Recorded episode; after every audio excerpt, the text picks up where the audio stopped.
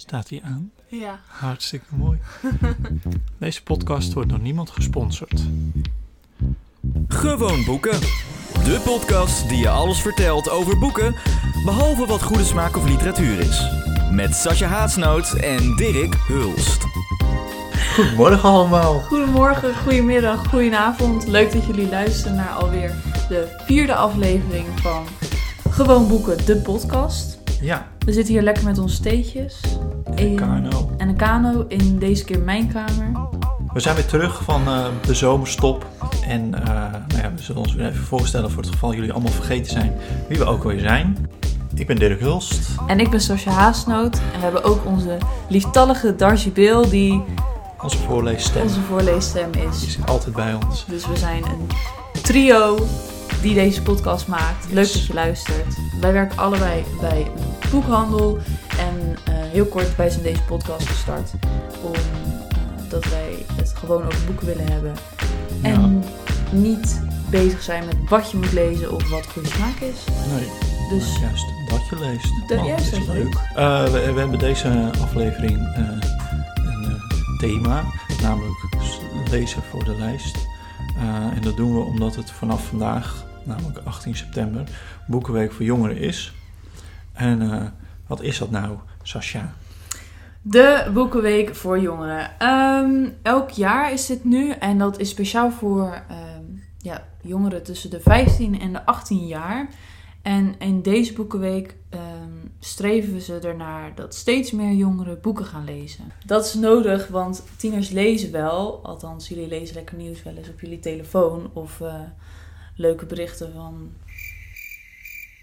Kim Kardashian. Kim Kardashian of zo. Maar jullie lezen niet zo vaak meer literatuur. En dat is echt jammer, want er zijn gewoon heel veel goede boeken. En met deze boekenweek wordt het stimuleren van literatuur onder jongeren dus eigenlijk weer bevorderd. Ik snap ook dat jullie lezen misschien wel heel erg vinden, omdat jullie boeken voorgeschoteld krijgen van Nederlands docenten.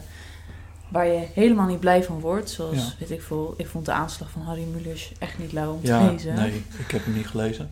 Eh, maar dat is omdat die mensen eh, heel erg vastzitten in eh, wat, wat, wat, de, ja, wat hun wereldje denkt dat goede literatuur zijn en dat, dat is. En dat zijn allemaal oude boeken van oude mannen die eh, inmiddels eh, ofwel al lang dood zijn of bijna dood. Ehm, ja, dat, eh, daar, daar, daar maak je mij ook niet blij mee. Gelukkig zijn er ook docenten die zeggen dat jullie zelf mogen kiezen wat voor boeken jullie willen lezen. En wij snappen dat het best wel lastig is waar je dan moet beginnen. Dus hebben wij allebei twee boeken gekozen per persoon waarvan wij denken dat je het moet lezen. En Ja. die willen we nu bespreken. Ja, klopt. Zal ik gewoon beginnen? Begin. Nou, ik vind eh, dat eh, elke middelbare scholier eh, het boek Confetti Regen van Splinter Chabot moet lezen. Nou ga ik jullie natuurlijk van alles voorschrijven. En dan moet je, nou hoef je je vooral niet aan te houden. Want dat is ook een anarchistische insteek van onze podcast. Luister vooral niet naar wat de oudere mensen zeggen. Ehm, maar eh, dat, dat boek, dat, dat is gewoon, denk ik, voor elke scholier en iedere, iedere, iedere andere mens, nou ja, wat, wat, wat zich erin herkent, dat hij, hij of zij ehm, op zoek is naar zichzelf of naar wie hij nou eigenlijk is of zo, weet je wel. Dat je, dat je, je, eh, je jezelf ontwikkelt in je, in je Mhm. puberteit en zo, eh, is dat heel geschikt. Want het gaat over het proces naar de coming out van Wobi. En eh, nou, dat is dan een se- semi-autobiografisch eh, splinter. En ehm, dat, dat boek beschrijft eigenlijk vooral dat, dat proces van hoe hij zichzelf eh, zeg maar ontdekt. In de zin van dat hij erachter komt dat wat hij leuk vindt, dat dat toch iets anders is wat, wat mensen allemaal verwachten en zo. Ehm, en kijk, zelfs als je dat niet hebt, is het gewoon een heel mooi verhaal om dat zo te lezen en om je eh, in te leven in, eh, nou ja, ook bijvoorbeeld de, de moeilijkheden die homoseksuele kinderen ervaren bij, bij hun, eh, het, ontwikkelen van hun identiteit. Maar ook gewoon, ja, je, je hebt er ook wat aan als je dat niet bent. En als je op het gebied van je seksualiteit wel zeker bent van wie je bent, maar op andere gebieden bijvoorbeeld niet. Dan heb je toch hier in dit boek een, eh, een lotgenoot. En behalve die zoektocht is het boek ehm, ook gewoon een mooi familieverhaal waarin, eh, ja, waarin de hoofdpersoon eh, heel erg worstelt met wie die is en met, met zijn leven. En waarin het uiteindelijk toch nog allemaal goed komt. En waar, je met een blij gevoel de laatste pagina omslaat. Maar het is ook toch zo, wat ik hoorde, dat zijn ouders eigenlijk hij wordt heel erg opgevoed met dat het helemaal prima is wie je bent en waar je op valt. Maar toch heeft hij heel veel moeite met uit de kast komen. Maar dat is ook, denk ik ook normaal als je kind bent, een mhm. puber. Dan uh, denk je wel, ja, weet je, dan kan, kunnen je ouders alles zeggen. Maar je denkt toch zelf voor jezelf na. En dan merk je toch wel dat wat je ouders zeggen, dat dat eigenlijk gewoon niet binnenkomt. Of dat je dat negeert of zo. Dus dat je dat, uh, ja, dat je dan toch nog met die met die, met die dingen waar je mee bezig bent, dat je er toch nog mee blijft zitten en dat dat heel zwaar kan zijn voor ja. je. Toen ik het las, toen dacht ik, ja, dit is gewoon een, een leuk, leuk leesboek. Wat je als allerlei uh, soorten boek kan opvoeren. Ook als je bijvoorbeeld gevraagd wordt om een uh, psychologische roman te lezen. Nou, dan is dit, uh, is dit je boek. Want het gaat over zijn psychologische ontwikkeling. Mm. maar als het gaat over, weet ik veel, wat voor thema's je allemaal nog meer uh, gevraagd wordt. Maar het, het, gaat over liefde, het gaat over uh, seksualiteit, het gaat over, weet ik veel... Identiteit. Dus identiteit en diversiteit en zo. Dus nou ja, dat past er allemaal in. Dus je kan het voor, voor van alles kan je het, kun je het inzetten. Ja. Dat is wel handig. En het is lekker vlot geschreven, dus je bent er ook... Nou ja, ik was er in ieder geval zo doorheen. Dat is altijd wel, ook altijd wel fijn. En wat ook belangrijk is, is dat Splinter... nou, ik denk dat hij rond de 25 is of zo misschien nog wel jonger. Dus je leest niet een boek van, uh, nou ja, van een man die uh, inmiddels 130 zou zijn. En waar we al uh, eh, 50 jaar niks meer van gezien hebben. Dus dat is, dat is ook een bijkomstigheid waar je heel blij mee kan zijn. Ja, ik ben ook wel nieuwsgierig waarom het boek Confetti Regen heet. nou ja, dat, dat is denk ik omdat de hoofdpersoon nou ja, in zichzelf in een in een wereld vol confetti en glitter en dat soort dingen leeft. Want in zijn hoofd is hij heel extravagant. Um, en wat ik mooi vind aan het boek is dat je uh, nou ja, in zijn kindertijd is dat nog oké. dan kan hij gewoon uh, in uh, glitterjurken uh, spelen en zo. Dan gaat hij naar school en dan wordt het allemaal een stuk problematischer natuurlijk. En dan merkt je ook dat tegen zijn wat extravagantere stijl uh, wat meer verzet komt. En krijg je daar ook moeilijk mee. Uh, dat vond ik ook heel, nou ja, een, een hele herkenbare uh, gang van zaken, zeg maar. En dat is ook fijn om te lezen dat, denk ik, dat je niet de enige bent waar, waar, waar verzet tegen is, hoe je hoe je, je uit. En dan, nou ja, dan, het verhaal ontwikkelt zich natuurlijk zo dat hij aan het einde uit de kast kan komen. Het is een spoiler, maar dat snap je wel. Ja. dus dan, dan, dan ja, dan uh, denk ik, zou je kunnen zeggen, dat die confetti-regen eindelijk vrij mag vallen, zeg maar. Dan is hij daar open in, naar zijn familie, naar zijn vrienden, naar de hele wereld. En dan, uh, ja, dan, dan wordt, uh, wordt het leven op dat gebied in ieder geval weer echt een, echt een feestje.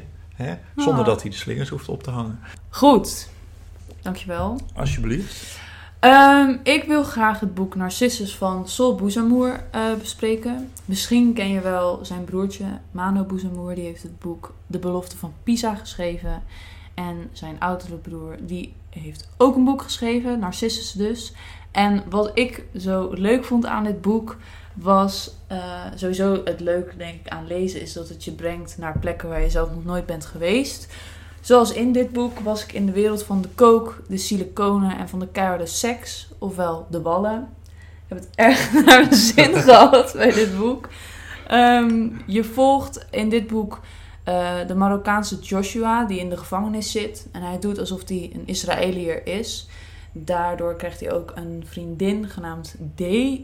In de gevangenis komt hij de jongen Klaas tegen, die de koning der koningen is op de wallen.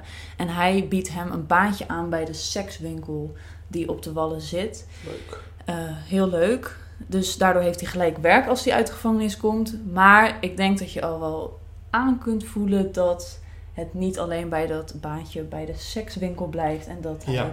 steeds bergafwaarts gaat en helemaal ja, vast komt te zitten in het wereldje van de wallen. Hij wordt een megapooier vol testosteron en ehm, hij neukt alles wat los en vast zit. Hij raakt verslaafd aan de kook. Ehm, ja, en wordt uiteindelijk zelf ook opgelicht door de mensen eh, die hij in vertrouwen had genomen. En eh, ja, hij krijgt ruzie met zijn vriendin, die natuurlijk een toekomst met hem wil opbouwen en een kind van hem wil krijgen. En Ja, ja ik wil ik wel even wat, eh, wat vragen. Want het klinkt als een hele harde en eh, nou ja, eh, vrouwonterende roman en zo. Dus wat, wat, wat, vind je er nou, wat vind je er nou van? Vind je het echt een goed boek? Of zijn er ook dingen waar je problemen mee hebt? En, en wat, wat vind je dan het pro- meest problematisch? En wat vind je het best van het, Ja. van het boek? Goeie, goeie vragen. Ehm, dit boek raad ik vooral aan als je net begint met literatuur lezen. Want het is heel, net als bij eh Confetti Regen, het is Mhm. heel vlot geschreven. Het is wel ook heel plat. Er is niet heel erg een plot als in dat het, dat het echt eh, met metaforen of zo. Het Ja. is juist als je net begint met lezen, interessant om te lezen over iets waar je totaal geen verstand van hebt. En de wallen is toch wel iets waarvan we heel vaak zitten van oeh, weet je wel. Ja, Dat je daar dan komt in Amsterdam en dat je denkt, oh we gaan naar de wallen. Ja. Maar je hebt eigenlijk geen idee wat er als je, als je gebeurt. 15 bent, ben je daar nog nooit binnen geweest. Nee, mag ik hopen. Niet dat ik op mijn 21ste daar binnen ben geweest, Nee. maar goed.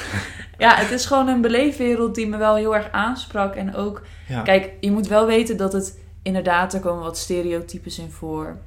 Ehm, en het is heel erg antifeministisch hoe hij over feministen praat die dan daar demonstreren. Is echt Ja. dat je ook denkt, je zoekt het randje op. Maar dat maakt het ook wel weer spannend. Ook leuk. Ja. Dat vind ik ook wel leuk. Dus als je voorbij die stereotypes weet en ik kijkt en ik denk dat je ook wel weet dat met flikkerschelden niet normaal is en dat Nou, iedereen er mag zijn, dan kan je best. dat weten hier eh, nou, mag ik aan de andere kant van de mag ik hopen dat je Kinderen. gewoon respectvol bent. Dan kan je best dit boek lezen en ook. Ja. Ik had altijd heel erg een beeld van hoeren en de wallen. Maar die Joshua spreekt ook wel echt lief en gewoon ook wel aan het einde dan heel respectvol voor de hoeren en de wallen, weet je, over de hele industrie. Ja. En daardoor, ja, dacht ik ook wel van, oh, ik moet mijn mening wat nuanceren over hoe ik over hoeren dacht. Ja. En ik had niet verwacht dat een Dat boek toch- dat met me zou dat is doen. toch een hele, mooie, echte literatuur dus. Hè? Want het zet je echt aan het denken en het kijk, ver- verandert, je, verandert je kijk op de wereld. Ja, Ja, mooi. Ja, dan eh, mijn tweede tip. Ik vind dat je eh, als scholier eh, niet te veel ingeperkt moet worden met wat je leest. En helemaal niet welke auteur je leest. Ehm, ik kan me voorstellen dat leraren een beetje aarzelen als je zegt dat je iets van Pauline Cornelissen wil lezen. Omdat zij natuurlijk gewoon een verschrikkelijk grappige vrouw is. En dat past niet bij het, eh, bij het beeld wat mensen hebben van literatuur. Ehm, maar goed, ze heeft, eh, nee, ze heeft eh, vier, vier boekjes met korte stukjes geschreven. Drie over taal, één over Japan. Die zijn heel leuk en die zou ik ook van harte aanraden. Ehm, en ik zou eh, je, je docent ook eh, vooral eh, vertellen dat die boeken verschrikkelijk goed verkopen en dat er vreselijk veel mensen van genieten. Dus Hm. dat dat nou ja, een hele, hele grote rol speelt in de hedendaagse Nederlandse literatuur. Maar ze heeft ook een roman geschreven, die heet De Verwarde Cavia. En daarin volg je eigenlijk een cavia eh, die eh, op een kantoor werkt. En eh, ja, hij, hij, hij zit daar en hij kijkt zij. zij, oh sorry. Ja, zij, zij, eh, zij zit daar en eh, ze kijkt om zich heen en ze ziet wat de mensen allemaal doen en ze, ze, ze heeft interacties met de mensen en zo. En dat is voor zo'n cavia natuurlijk een hele vervreemdende ervaring dat hij uit zijn, uit zijn ja, natuurlijke habitat van het, van het hok is, eh, is weg, wegge- weggegaan op de een of andere manier en op een kantoor werkt.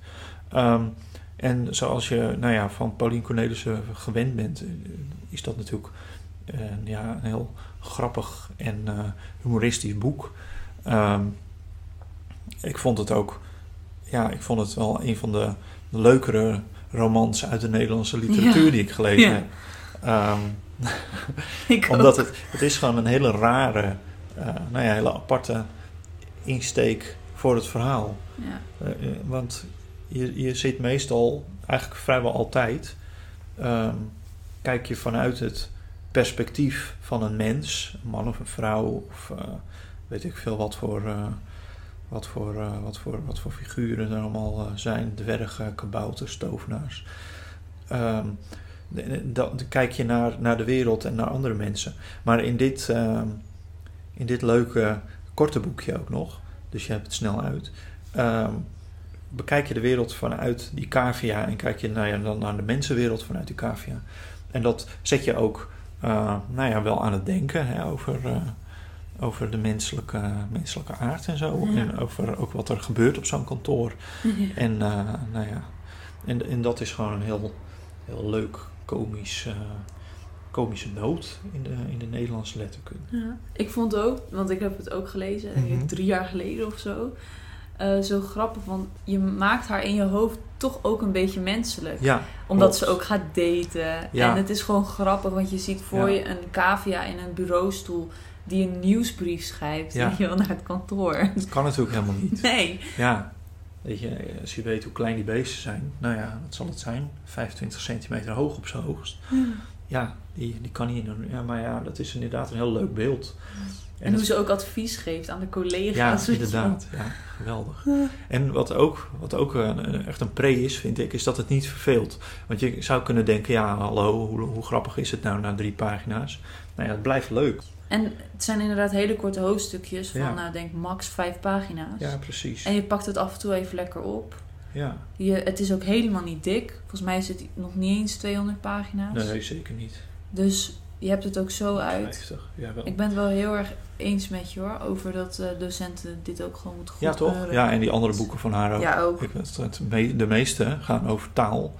Eh, dus ja, als je eh, iets voor Nederlands leest en het gaat ook nog eens over taal, dan ben je eigenlijk gewoon dubbel bezig. Dan Ja. lees je en voor je lijst en voor eh, je taalkundige ontwikkeling.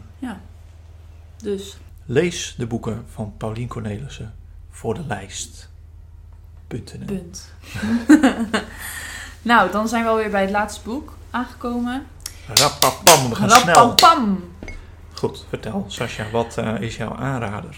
Ja, ik vind echt dat je het boek Wees Onzichtbaar van Murat Isik moet lezen. Wees Onzichtbaar speelt zich af in de Belmermeer. In, het begint in de jaren tachtig, wanneer eh, de vijfjarige Turkse Metin ehm, met zijn moeder en zijn zusje naar Nederland komt. Eerst vanuit Turkije, dan naar Duitsland, dan naar Nederland. En hun vader heeft dan al een plek gevonden in de Belmer.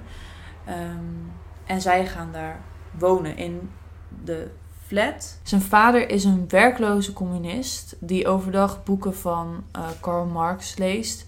En eh, s s'avonds helemaal zichzelf doodzuipt met zijn vrienden. En hij is vaak heel gewelddadig. En hij is eigenlijk een soort ja, tiran die het leven van dat hele gezin beheerst. typische communist. Dus. Typische communist. en je merkt heel erg die angst vanuit Metin en ook wel vanuit zijn moeder en zijn oudere zus. eh, die zoveel mogelijk onzichtbaar willen zijn in het huis. Ja. Maar je merkt hoe ouder die kinderen worden, eh, dat ook die moeder daarmee emancipeert. En dat er een soort strijd, het hele boek is eigenlijk een soort strijd van dat gezin tegen die vader. Ja. Maar ook om het leven in de Belmer te overleven. En dat klinkt heel heftig, dat laatste. Ja. Maar ik heb wel het gevoel dat hij dat echt zo heeft ervaren. ja, en waarom heb je dat gevoel? Nou, hij vertelt. Het wordt natuurlijk ook heel beeldend geschreven wat er allemaal in die flat gebeurt. Ja. En los van dat vliegtuigongeluk van eh Boeing 747. Ja, in 1992 was dat? Zeker. Oké, Toen was ik net een half jaar oud. toen was ik nog niet geboren. toen, nou, dat, dat zit er natuurlijk heel erg in. Maar ook gewoon dan vieze mannetjes in de lift, weet je wel. En dat Ja, ja, hij dan niet naar Ja. beneden durft te gaan. Of dat hij dan ja, hij wordt ook... eh, Ik denk dat vieze mannetjes in de lift, dat het echt een verschijnsel uit de jaren negentig is. ja, denk Ik je weet echt? niet. Ja, nou ja, weet je, wij kregen, vroeg- vroeger was dat bij, bij mijn opvoeding echt een thema, dat je niet eh, vreemde mannen en vreemde mensen en zo, eh, dat je daar niet tegen mocht praten en dat je niks mocht aannemen en zo. Jeetje. Ja, Oké. maar goed. Maar goed. Ga verder. Vieze mannen in de lift. Ja, vieze man in de lift. Maar ook het trieste is natuurlijk dat... eh, ja, de Belmer was altijd bedoeld als een vooruitstrevende nieuwe wijk. Ja. En het wordt eigenlijk gewoon een soort ghetto. Gevreesde ghetto. En het heel veel... Paradijs. Ja, Ja. met heel veel criminaliteit en, en junks. Dat, dat komt er ook heel vaak in voor. Ehm, en dan komt ook nog dat ongeluk met het vliegtuig. Mhm. Ehm, en in de weken daarna volg je Metin die naar de middelbare school gaat. En dan komt ook het heel erg het thema met racisme op. Ja. Ehm, want Metin wordt echt gepest op school. Totdat er een jongen bij hem in de klas komt. Die ook van ouders heeft met een migratieachtergrond. En die wordt, weet je wel, die, die gaat tegen de pester in. Dus Ja, die ja. komt het Ja. hoogst in de klas. En Metin komt onder zijn hoede, zeg maar. Dat is leuk. En dan volg je ook Metin zijn middelbare schooltijd. En ook vooral hoe ja, Metin zichzelf probeert te vinden. Wie is hij? Is hij wil, wordt hij zoals zijn vader of gaat hij iets heel anders doen? Hij komt in aanraking met schrijven via zijn docent, die eh, echt hem probeert te stimuleren om daar iets mee te gaan doen. Mhm. Maar dan heb je ook die vriend van hem, die dus de nieuwe baas is van de klas. En die je wel, een echte man is. Nou, moet hij dan ook zoals hem worden? Ja, ja. Dus het is heel erg die Ja. strijd van wie ben ik en hoe kom ik voor mezelf op. En dat vond ik gewoon heel erg mooi. Ja, en, en waarom eh, vind je dit nou echt een, een heel geschikt boek voor een middelbare scholier? Want het is wel vrij dik. Ja, het is 600 Ja. pagina's, dus echt dik. Maar het, je leest als een trein, Ja, dat sowieso, omdat het ook, net als alle boeken eigenlijk die we bespreken, heel toegankelijk is. Je hoeft niet echt woorden op te zoeken, zeg maar, ja. omdat het gewoon woorden is uit de woordenschat die je zelf al wel bezit. Mhm. En ehm, ik weet nog wel die spanning heel erg dat toen ik naar de middelbare school ging en hoe ik Ja, heel erg bezig was met wie ben ik en ben ik wel stoer genoeg. En Ja. eh, ik wilde dan niet per se populair zijn, maar wel weer dat iedereen mij mocht. En Mettins die struggelt daar ook mee. En ja. nou, los daarvan, die situatie die hij thuis heeft. Je bent echt een soort van op de achtergrond aan het juichen voor Mettin van... Please, weet je wel, versla je vader. En ja precies. En- ja, dus je voelt heel erg mee met hem. ja, en dat Dat- maakt het gewoon een prachtig boek. En ook Ja. een herkenbaar boek. Ja, Samengevat gaat het dus over een narcistische vader en de strijd die moeder en haar twee kinderen tegen hem voeren. Het gaat over het verval van de Belmer, maar ook over de kracht van vriendschappen en familie. ja. Een echte aanrader. mooi. Moet je Prachtig. lezen. Goed, dit waren dus de boeken die wij aanraden, maar we willen hier nog wel een grote voetnoot eh, ja, bij plaatsen. Ja, ik wil vooral, vooral eh, nou ja, jullie eh, echt op het hart drukken om vooral dingen te lezen die je leuk vindt en waar je in geïnteresseerd bent en waar je je tot voelt aangetrokken. Ehm, en dan, ja, weet je, als, als, je, als je een boek hebt wat je trekt en waar je, waar, je, nou ja, waar je van geniet, dan lees je veel fijner en beter dan als je eh, die boeken gaat lezen die, eh, die op die eh, vaste lijst staan en die honderdduizenden mensen al gelezen hebben voor de Ne- Nederlandse literatuurlijst. Je kan beter iets lezen waar je zelf van geniet en waar je, nou ja, waar je iets aan hebt en waar je later nog aan terugdenkt van oh god, dat was een fijn boek. Dan dat je het Gouden Ei leest omdat iedereen dat nou eenmaal leest en omdat dat een kort boekje is. Ehm, en er dan achter komt dat zo'n boek van eh, inmiddels 36 jaar oud eigenlijk helemaal niks voor je doet. Ook al lees je de, de Max Havelaar voor je lijst. Als je er niet van geniet, dan heb je er niks aan, vind ik. Nee, daar ben ik het helemaal mee eens. Ehm, oh, nog leuk om mee af te sluiten. Als je nu tussen 18 september en 27 september 2020. 2020 naar de boekhandel rent om een boek te kopen, niet per se de boeken die wij aanraden, dan krijg je ook gratis, gratis, het driepak boekje erbij. Dat speciaal is voor de jongere boekenweek. Volgens mij krijg je dat ook als je er gewoon om vraagt en als je niks koopt. Oké, nou, dan kan je Dus je ook hoeft niet eens iets te proberen. kopen. Dan Bij Ook ons leuk. krijg je het sowieso. Bij ons krijg Ja. je het sowieso gratis. Ehm, wat is nou driepak? Dat zijn korte verhalen die geschreven zijn door bekende jonge auteurs. En dit jaar is, zijn dat Danielle Bakhuis, Pepijn Lane van... De, de jeugd.